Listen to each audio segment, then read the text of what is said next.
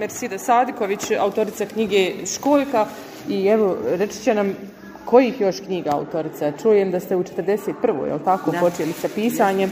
Evo recite nam malo nešto više o svojoj dakle, biografiji, kad ste se počeli baviti pisanjem, zašto, Rekao ste negdje u ovom neobaveznom razgovoru da ste buntovnica po prirodi.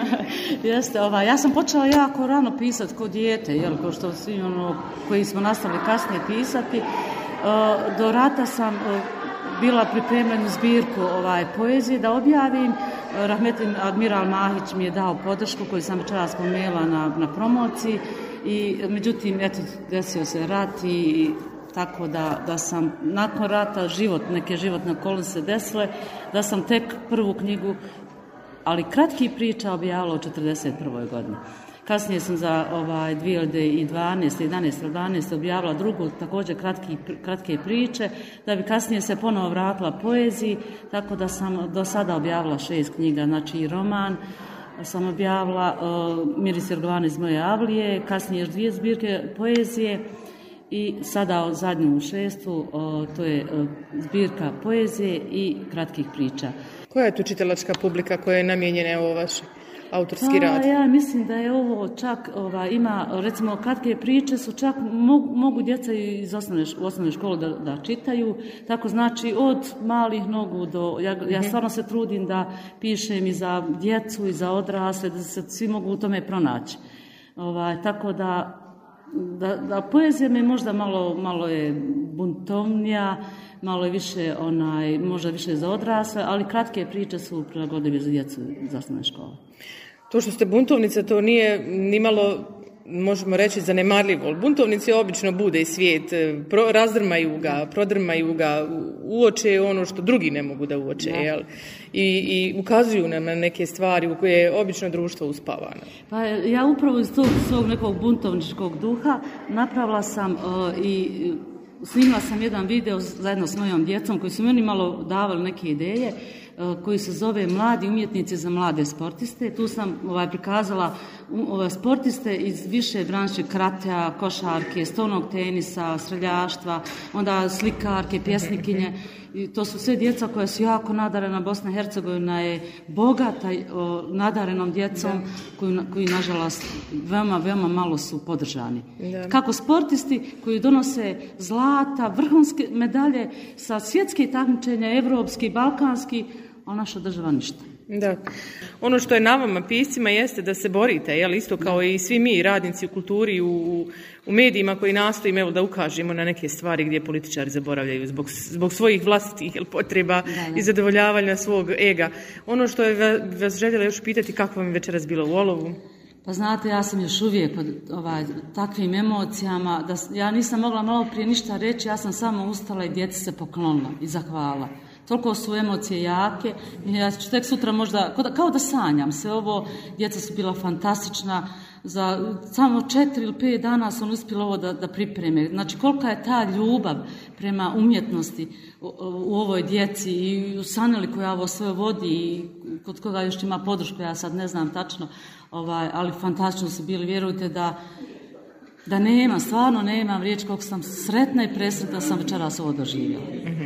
Drago nam evo to čuti. E, Centar za kulturu, sport i informisanje, gradska biblioteka, nekako smo kao sami na ovom ostrvu kulture, e, no ipak ima tu podrške, moramo kazati. E, uvijek kada je zatražimo, vjerujemo evo i u one ljude, dobre ljude da, nas ne, ne, odbiju. Ja vjerujem da je i sa vama isto tako. ima, naravno. Uvijek, se nađe neko, nađe se neko. Hvala Bogu da je tako, ne bi mi večeras bili ovdje da nije toga, nije takve podrške. Ima, ali treba puno više. Treba malo više država da okrene pažnju prema kulturi koja je jedan temelj razvoja društva nadogradnja bez koje se ne može, jel?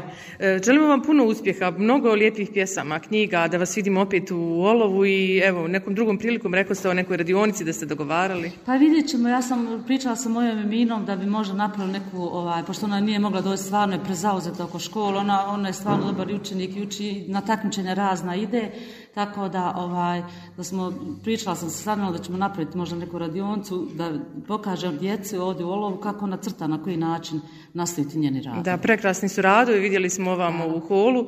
E, I evo, zahvalite se u naše ime na poklonima koje je obezbijedila za, sve one koji su željeli uzeti. a vjerujem da su svi odnijeli po jednu kući, jer su zaista prekrasni. Nek, nek, hvala vam. Želim vam mnogo uspjeha i vama i vašoj kćerki. Evo, vidimo se ako Bog da uskoro u Olovu. Hvala i vama na podršci i svako dobro. Nakon promocije u gradskoj biblioteci, autorice Mercedes Evo, pripremala si studiozno koliko vidi vidim i dječicu i ovu promociju i sve, kako si zadovoljna? E, ja sam stvarno, ali onako najiskrenije, baš prezadovoljna. Djeca su bila sjajna, odlična, učinili su me ono baš ponosnom i sretnom, ono obrazili, što bi se rekla. Nisu onaj, e, nisu nigdje pogriješili, sve su ispoštovali kako smo se dogovorili. Iako smo imali samo tri dana probe, jer djeca su imala obaveze, kontrolni testovi, bliži se kraj e, jednog polugodišta, ide zimski raspust, tako da su djeca bila u obavezama, a ja sam također imala obaveze.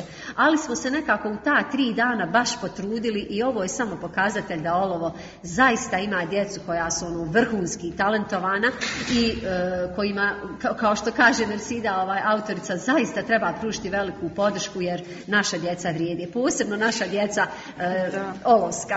Da, baš bila sam svugdje, zaista vidjela sam sve, sva su djeca lijepa, pametna, talentovana, ali nekako su naš poseb. Čini mi se da je i gošća oduševljena, nije ovo očekivala. Nije očekivala, apsolutno.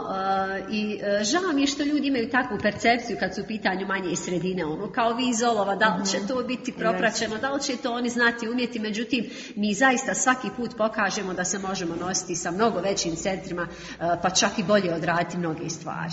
Čestitke evo prvo recitatorskoj cijeloj ekipi, a posebne čestitke za ovaj tamo na pijaci ovaj skeč koji ste imali, prekrasan je. Yes, skeč se zove na jedno uho e, ušlo, na drugo izašlo. E, kratak je, ali je toliko poučan, simpatičan, smiješan, tako naš realan, prikazuje naše realno stanje. E, malo smo se i nasmijali, ali smo Boga mi promislili. Nije teško u današnje vrijeme baš prihvatati sve na taj način, da na jedno uho uđe, na drugo izađe. Svi smo nekako emotivni, svi smo pod nekakvim pritiskom, e, mnogo brinemo o, mnogo čemu, tako da je teško to e, praktično jeli, e, iskoristiti da uđe na jedno uho, na drugo izađe, ali evo ovo jedna bila poruka, možda bi zaista trebalo neke stvari prepustiti jeli, nekoj većoj sili, neka se dešava kako se dešava, radi našeg sobstvenog zdravlja, pa tako i cijele sredine, kad bismo jednostavno neke stvari pustili, neka se odvijaju kako god hoće. Evo hvala tebi, hvala svima koji su posjetili večerašnju promociju? E, bilo je zaista lijepo posjećeno, puna je bila sala vijeća, nekako naši olovljani ispraćaju ove promocije, večeras je pored promocije bila izložba slika, vidjeli ste, e, zaista je bilo lijepo, puna sala, meni puno srce, hvala vama na podršci, hvala našim građanima i ovoj dječici, eto nemam zaista e, riječi osim ono u superlativu sve, zaista, zaista je bilo sjajno. I tebi čestitke i do